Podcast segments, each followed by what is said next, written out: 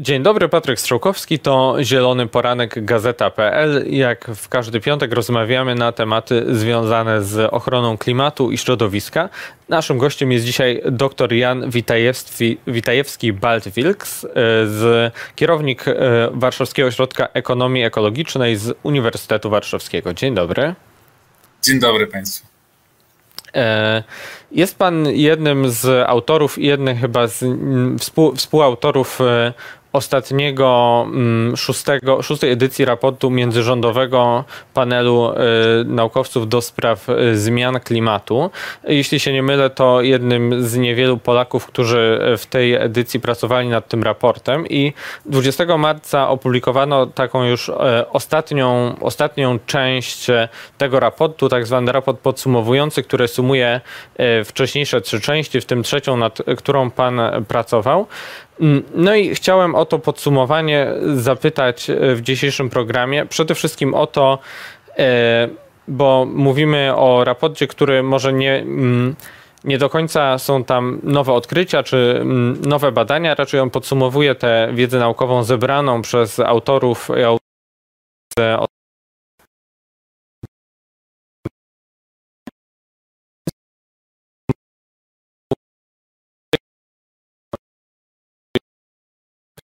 klimatu i to, co robimy y, w celu ich zatrzymania. Tak, dokładnie tak jak Pan powiedział. To jest, tak, to jest taki obraz wiedzy naukowej na temat zmiany klimatu z bardzo, bardzo wielu dziedzin i ekonomii, i klimatologii, oczywiście, fizyki, biologii. Um, także ten raport, o którym Pan mówił, zbiera to wszystko razem i w jeden taki obraz um, spisuje. Natomiast jeżeli chodzi o Pana pytanie, gdzie jesteśmy, no chyba najważniejszy wniosek jest taki, gdybyśmy, jeżeli chodzi, według tej wiedzy ekonomicznej, matematycznej, e, klimat, wiedzy klimatologii, którą w tej chwili mamy, jeżeli w takim najbardziej pesymistycznym e, scenariuszu poluzowalibyśmy tą politykę klimatyczną, którą w tej chwili mamy, no to możemy się spodziewać wzrostu, e, wzrostu globalnej temperatury o około 4 stopni Celsjusza w porównaniu do tej ery preindustrialnej. To jest, e, tak naprawdę powinienem powiedzieć, w przedziale między 3 a 5 stopni, bo tu mamy bardzo dużą niepewność. E, jeżeli zachowamy te polityki klimatyczne, które w tej chwili mamy, czyli te zobowiązania, do których, które teraz już podjęły wszystkie regiony na świecie, no to możemy się spodziewać wzrostu temperatury o 3 stopnie Celsjusza jeżeli te polityki będziemy stopniowo zacieśniać, no to uda nam się to zbić do dwóch stopni Celsjusza. Natomiast, że jeżeli chcielibyśmy utrzymać ten poziom półtora stopnia Celsjusza względem ery preindustrialnej, czyli no mniej więcej zatrzymać te zmiany klimatu na tym poziomie, na którym są teraz, potrzebowalibyśmy w tej chwili, już od razu, w latach dwudziestych, bardzo radykalnego spadku emisji i już w kolejnych 20-30 latach na masową skalę wykorzystania tak zwanych technologii pochłaniania emisji, czyli to są takie technologie, które ściągają e, czy opcje, które ściągają, ściągają dwutlenek węgla z atmosfery i potem w jakiś sposób magazynują to w ziemi. E, te scenariusze różnią się na pewno diametralnie pod względem tego, co musimy robić i w jakim tempie, ale zanim do tego, no to chciałbym zapytać pokrótce o tym, e, czym e, różni się to, jeśli chodzi o skutki zmian klimatu. Teraz, jak mówi nam raport, jesteśmy na poziomie trochę powyżej jednego stopnia ocieplenia pod względem ery przedprzemysłowej. Półtora stopnia, zatrzymanie się w okolicy półtora stopnia to jest cel porozumienia, jeden z celów porozumienia paryskiego, pod którym podpisały się prawie wszystkie kraje świata. No ale jak pokazuje ten raport, przyszłość może być bardzo różna. Więc jaka jest różnica pomiędzy naszą przyszłością na świecie, gdzie to ocieplenie zatrzymamy na mm, półtora stopnia, a jaka, kiedy będzie to więcej niż dwa, więcej niż trzy stopnie ocieplenia? Mhm pierwsza rzecz, o której muszę wspomnieć, to jest to, że te, ten, te, te, te, te poziomy, o których mówimy, te zmiany y, temperatury, one dotyczą średniej globalnej temperatury, natomiast oczywiście te różnice w różnych regionach będą większe. Generalnie im bardziej na północ i na południe, czyli im bliżej biegunów, tym ta różnica będzie się, będzie większa, czyli w przypadku Polski to może być więcej niż te 2 stopnie Celsjusza. E, no i oczywiście im większe te zmiany temperatury, tym więcej możemy się spodziewać kataklizmów, powodzi, podniesienia poziomu, poziomu e, wód w morzach, tym więcej możemy się spodziewać okresów suszy, e, nagłych, dużych opadów, e, skróce, skrócenia zimy. Także to, to są takie, takie efekty, o których wiemy. Natomiast to, co najbardziej niepokoi, to, to, to jest ta nasza niepewność. Czyli my idziemy w kierunku, w którym nigdy wcześniej nie byliśmy. Znaczy, mieliśmy już kiedyś w historii planety podwyższoną temperaturę, ale nigdy te zmiany nie były tak szybkie. I tak naprawdę do końca nie wiemy, co się wydarzy. To, o czym teraz mówiłem, to są takie efekty spodziewane. Może być, może być lepiej, może, może nie być tak źle, jak, jak, jak, jak mówię, ale może być też dużo gorzej. Więc pytanie, na ile jesteśmy sobie w stanie pozwolić na takie ryzyko pójścia no, w nieznane, tak? Nie wiemy do końca, co się, co się wydarzy. I te nieznane rzeczy to jest to, co raport, jeśli dobrze pamiętam, nazywa takimi zdarzeniami, które mają może nie za wysokie prawdopodobieństwo, ale bardzo groźne skutki. Co to może być na przykład? Tak, no jest możliwość, znaczy przede wszystkim jest, jest możliwość niekontrolowanego, um, niekontrolowanej emisji e, gazów cieplarnianych z, e, skorupy, e, skorupy ziemskiej do, do, do atmosfery, czyli na przykład może, może się, mogą się uwolnić jakieś dodatkowe pokłady mm, metanu na skutek topnienia się lodowców. No i to może spowodować już dużo większe zmiany temperatury niż te, te o których mówiłem. W takim razie przejdźmy do tego, e, co powinniśmy robić, co raport IPCC mówi nam na temat tego, co powinniśmy, czy jakie mamy możliwości działania, żeby e, nie iść w stronę tych najgroźniejszych scenariuszy, a pozostać w tym w miarę bezpiecznym poziomie. E, I może, jeśli, jeśli możemy, to spójrzmy na to z perspektywy e, Polski. Gazy cieplarniane, te emisje gazów cieplarnianych to przede wszystkim spalanie e, ropy, węgla i gazu, ale nie tylko. Jakich zmian i w jakiej skali czasowej wymagano by, czy, czy musielibyśmy przeprowadzić w Polsce, żeby iść w tym kierunku zatrzymania zmiany klimatu w okolicy 1,5 czy 2 stopni? To, te zmiany w Polsce są dosyć standardowe. Mamy dosyć standardową gospodarkę, jeżeli spojrzymy na to, na to w skali globalnej. No może z tym wyjątkiem, że rzeczywiście mm, sektor energetyczny mamy. Zaczynamy w punkcie, kiedy nasz sektor energetyczny zużywa bardzo dużo węgla, więc mam bardzo dużą e, emisję. I trochę to jest nasze szczęście, dlatego że akurat ten sektor, akurat w tym sektorze mamy najwięcej opcji technologicznych i w sumie najtańszych opcji technologicznych, żeby zredukować te emisje, czyli przejście na odnawialne źródła energii czy, e, czy energię z atomu. Więc ten sektor powinniśmy dekarbonizować w pierwszej kolejności. Koszty tej dekarbonizacji nie będą szczególnie wysokie ze względu na te dodatkowe opcje technologiczne. No a w dalszej kolejności będziemy mieć dwa problematyczne e, sektory, czyli, czyli transport i, i, i rolnictwo. E, w transporcie to jest oczywiście zmiana nawyków i większej stopniu korzystanie z, z, komunikacji publicznej, która jest dużo, dużo bardziej efektywna i dużo mniej, w sensie takim, że dużo mniej emituje e, w porównaniu do, do, do, tych, do tych usług, które, które oferuje. No i oczywiście przejście dla tych którzy będą mogli sobie na to pozwolić na samochody elektryczne. E, no, natomiast w rolnictwie to jest oczywiście odejście od mięsa, co będzie się wiązało z dosyć dużą zmianą nawyków. Jeśli spojrzymy na główne siły polityczne e, w Polsce, zostając tutaj przy naszym kraju, ale myślę, że to też można przełożyć na, na wiele innych, no to takim dosyć powszech, coraz bardziej powszechnym poglądem jest to, że coś y, pod tym względem trzeba robić, że jakąś tę transformację trzeba przeprowadzać, y, a różnice są w dużej mierze co do y, skali, przede wszystkim może tempa i ze strony części polityków słyszymy, że takie tempo, jakie mm, planuje Unia Europejska, E, to, które ma być zgodne z, z, z zatrzymaniem ocieplenia w okolicy 1,5 stopnia, no to jest dla nas za szybko, to będzie zbyt duże obciążenie dla gospodarki i przez to dla obywateli. Czy wiadomo, jakie mogą być te koszty, jaki będzie efekt dla naszej gospodarki, jakie to będzie obciążenie, jeśli rzeczywiście pójdziemy w stronę tej szybkiej transformacji? Tak, zanim wspomnę o konkretnych liczbach, to jeszcze chciałem na sekundę ustawić perspektywę. Te koszty będą małe i jednocześnie będą bardzo widoczne. Także to jest, to, to będzie taki paradoks. I, I postaram się to obrazowo wytłumaczyć. Jeżeli bym powiedział Państwu, że no, powiedzmy, żeby zdekarbonizować sektor energetyczny, każdy z nas miesięcznie musiałby przeznaczyć 20 zł miesięcznie, no to wydaje się, że te koszty są małe, prawda? Możemy uznać, że, że, że te koszty są małe. Ale jednocześnie, gdybym powiedział, że te, te, te, te koszt będzie, będzie uwzględniony w rachunkach za energię elektryczną, czyli ten rachunek będzie zamiast 100 złotych, będziemy musieli płacić 120 złotych, to nagle ten, ten sam efekt, e, ten, ten sam koszt robi się bardzo widoczny. Dlatego powiedziałem, że te koszty będą małe, bo one w skali gospodarki, w skali naszych całych budżetów domowych, on nie będzie duży.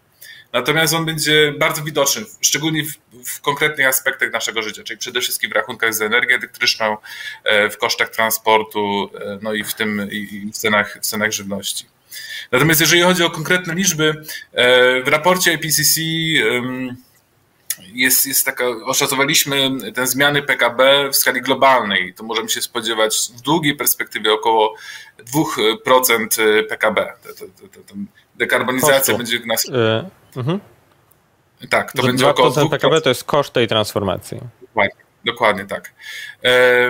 Natomiast w Polsce my mamy narzędzia, takie duże modele ekonomiczne, które pozwalają nam takie koszty obliczyć.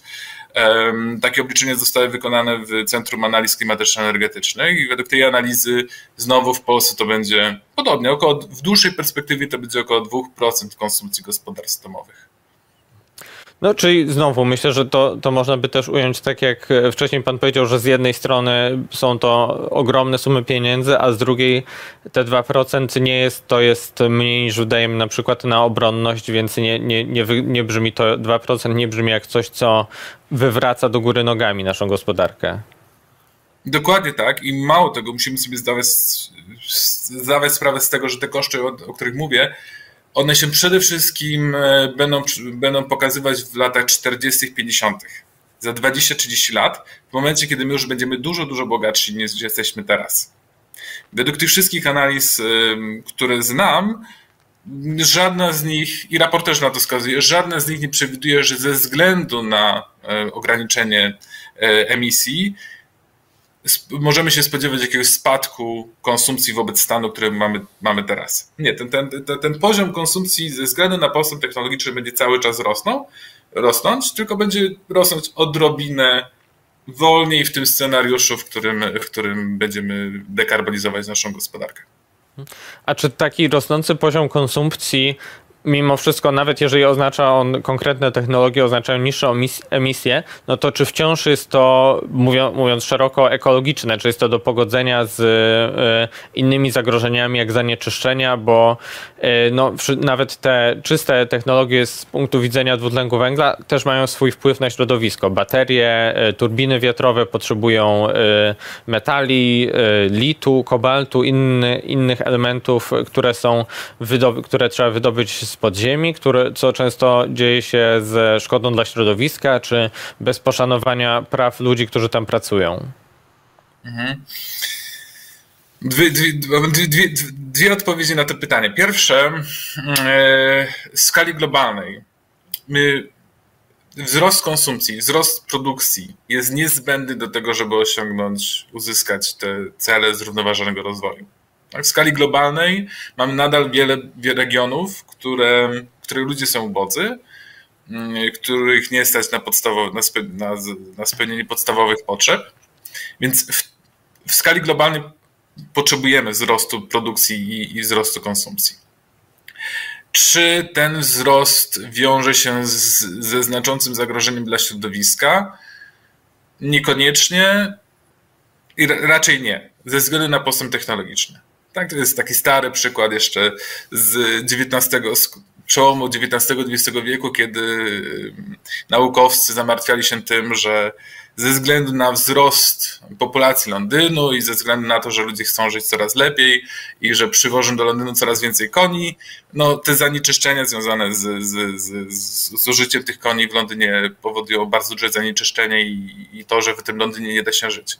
No a wkrótce okazało się, że mamy technologiczne rozwiązania na ten problem. Więc tak, wzrost technologiczny, wzrost konsumpcji, wzrost produkcji jest możliwy bez um, dodatkowego efektu negatywnego na środowiska, na, na środowisko, a często nawet z pożytkiem dla środowiska. E, chciałem zapytać jeszcze o kwestię mm, tego, na ile. Oczywiście raport mu, mm, raport naukowy nie odpowiada i może nie, nie jest po to, żeby, odpo żeby odpowiedzieć nam na pytanie, czy uda nam się zatrzymać te zmiany klimatu, czy nie, no bo to ostatecznie zależy od tego, co zrobimy. E, no ale ze strony naukowców z IPCC yy, słyszymy, że cały czas jest to możliwe. Przewodniczący IPCC na konferencji prasowej mówił, że ich głównym, że głównym mm, przekazem tego raportu jest to, że on daje nadzieję, a nie to, że e, straszy końcem świata. Ale na przykład jedną taką z rzeczy, która na mnie zrobiła wrażenie, jest to, że IPCC mm, mówi tam, że yy, zachowanie temperatury w okolicy 1,5 stopnia wymaga tego, żeby y, przerwać czy nie eksploatować do końca już istniejących złóż, już eksploatowanych złóż węgla czy ropy, no a nie tylko firmy, które, są, które się tym zajmują, planują eksploatować je do końca, ale wydają miliardy na otwieranie nowych odwiertów, y, nowych, nowego wydobycia gazu czy ropy naftowej.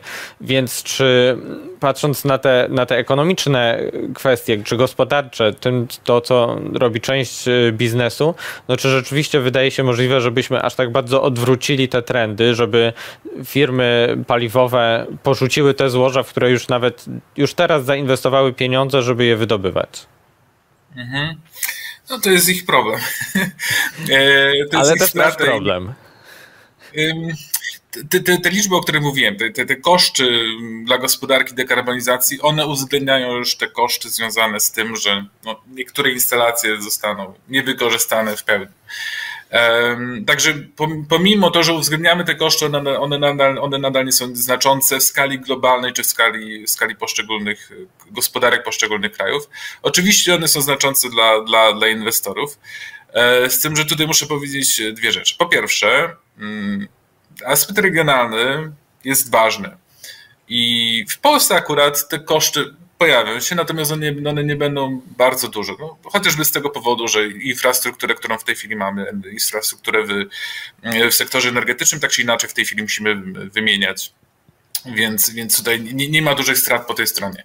Natomiast te straty będą głównie pojawiać się w krajach, które, tak jak Pan wspomniał, w krajach, które wydobywają ropę naftową i gaz czyli w naszym kontekście nasz wschodni sąsiad. I teraz pytanie, czy to jest smutna wiadomość, czy raczej radosna wiadomość, że, że, że z tego powodu też będą mieć jakieś, jakieś utrudnienia, utrudnienia finansowe. To jest pierwszy aspekt, drugi aspekt już tak bardziej z perspektywy finansowej.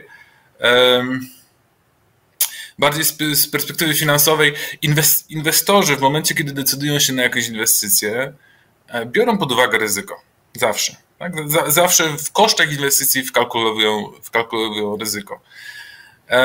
I tak naprawdę no, to, to, są dorośli ludzie, prawda? Czyli jeżeli decydują się na takie ryzyko, no to, to, to, to, trudno im tego zabronić i trudno, ale też trudno potem ich nie wiem, w jakiś sposób spodziewać się, że, że powinniśmy, powinniśmy kompensować te straty, które będą, e, których będą doświadczali.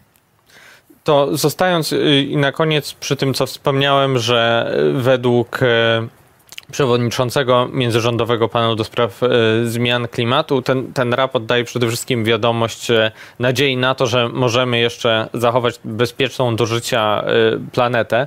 Czy w Pana przypadku lektura, czy nawet praca nad tym raportem dała Panu raczej nadzieję na to, czy raczej obawy? Mm, uniknę odpowiedzi na to pytanie, ale w tym, w tym uniku też jest ważna wiadomość z perspektywy, z perspektywy naukowców to nie ma znaczenia.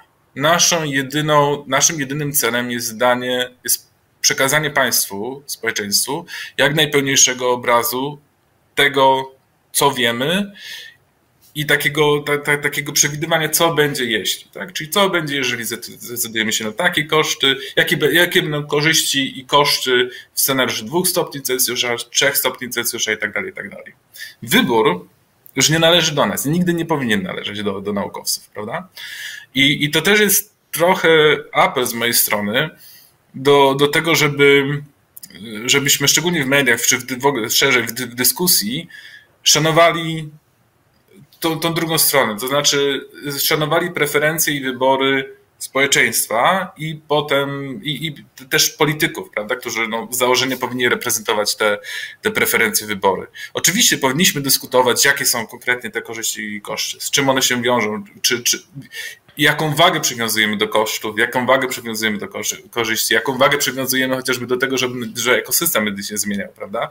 Czyli do tego, że będziemy tracić różne gatunki roślin i zwierząt. To nie jest pytanie, które, które, które, na które naukowcy mogą odpowiedzieć, prawda? To, to już jest pytanie o preferencje społeczeństwa, no ale potem z naszej strony my musimy, my musimy szanować te wybory które, i te preferencje, które, które społeczeństwo yy, ma. Zatem mamy, mamy tę wiedzę i te, mm, te informacje e, z Państwa strony i w naszych e, obywateli rękach, co zrobimy z tym dalej. Bardzo dziękuję za tę odpowiedź i za opowiedzenie o tym raporcie. E, gościem Zielonego Poranka był dr Jan Witajewski, Baltwilks, kierownik Warszawskiego Ośrodka Ekonomii Ekologicznej. Bardzo dziękuję. Bardzo dziękuję. To był Zielony Poranek Gazeta.pl. Na kolejny program zapraszam za tydzień. Patryk Strzałkowski, dziękuję.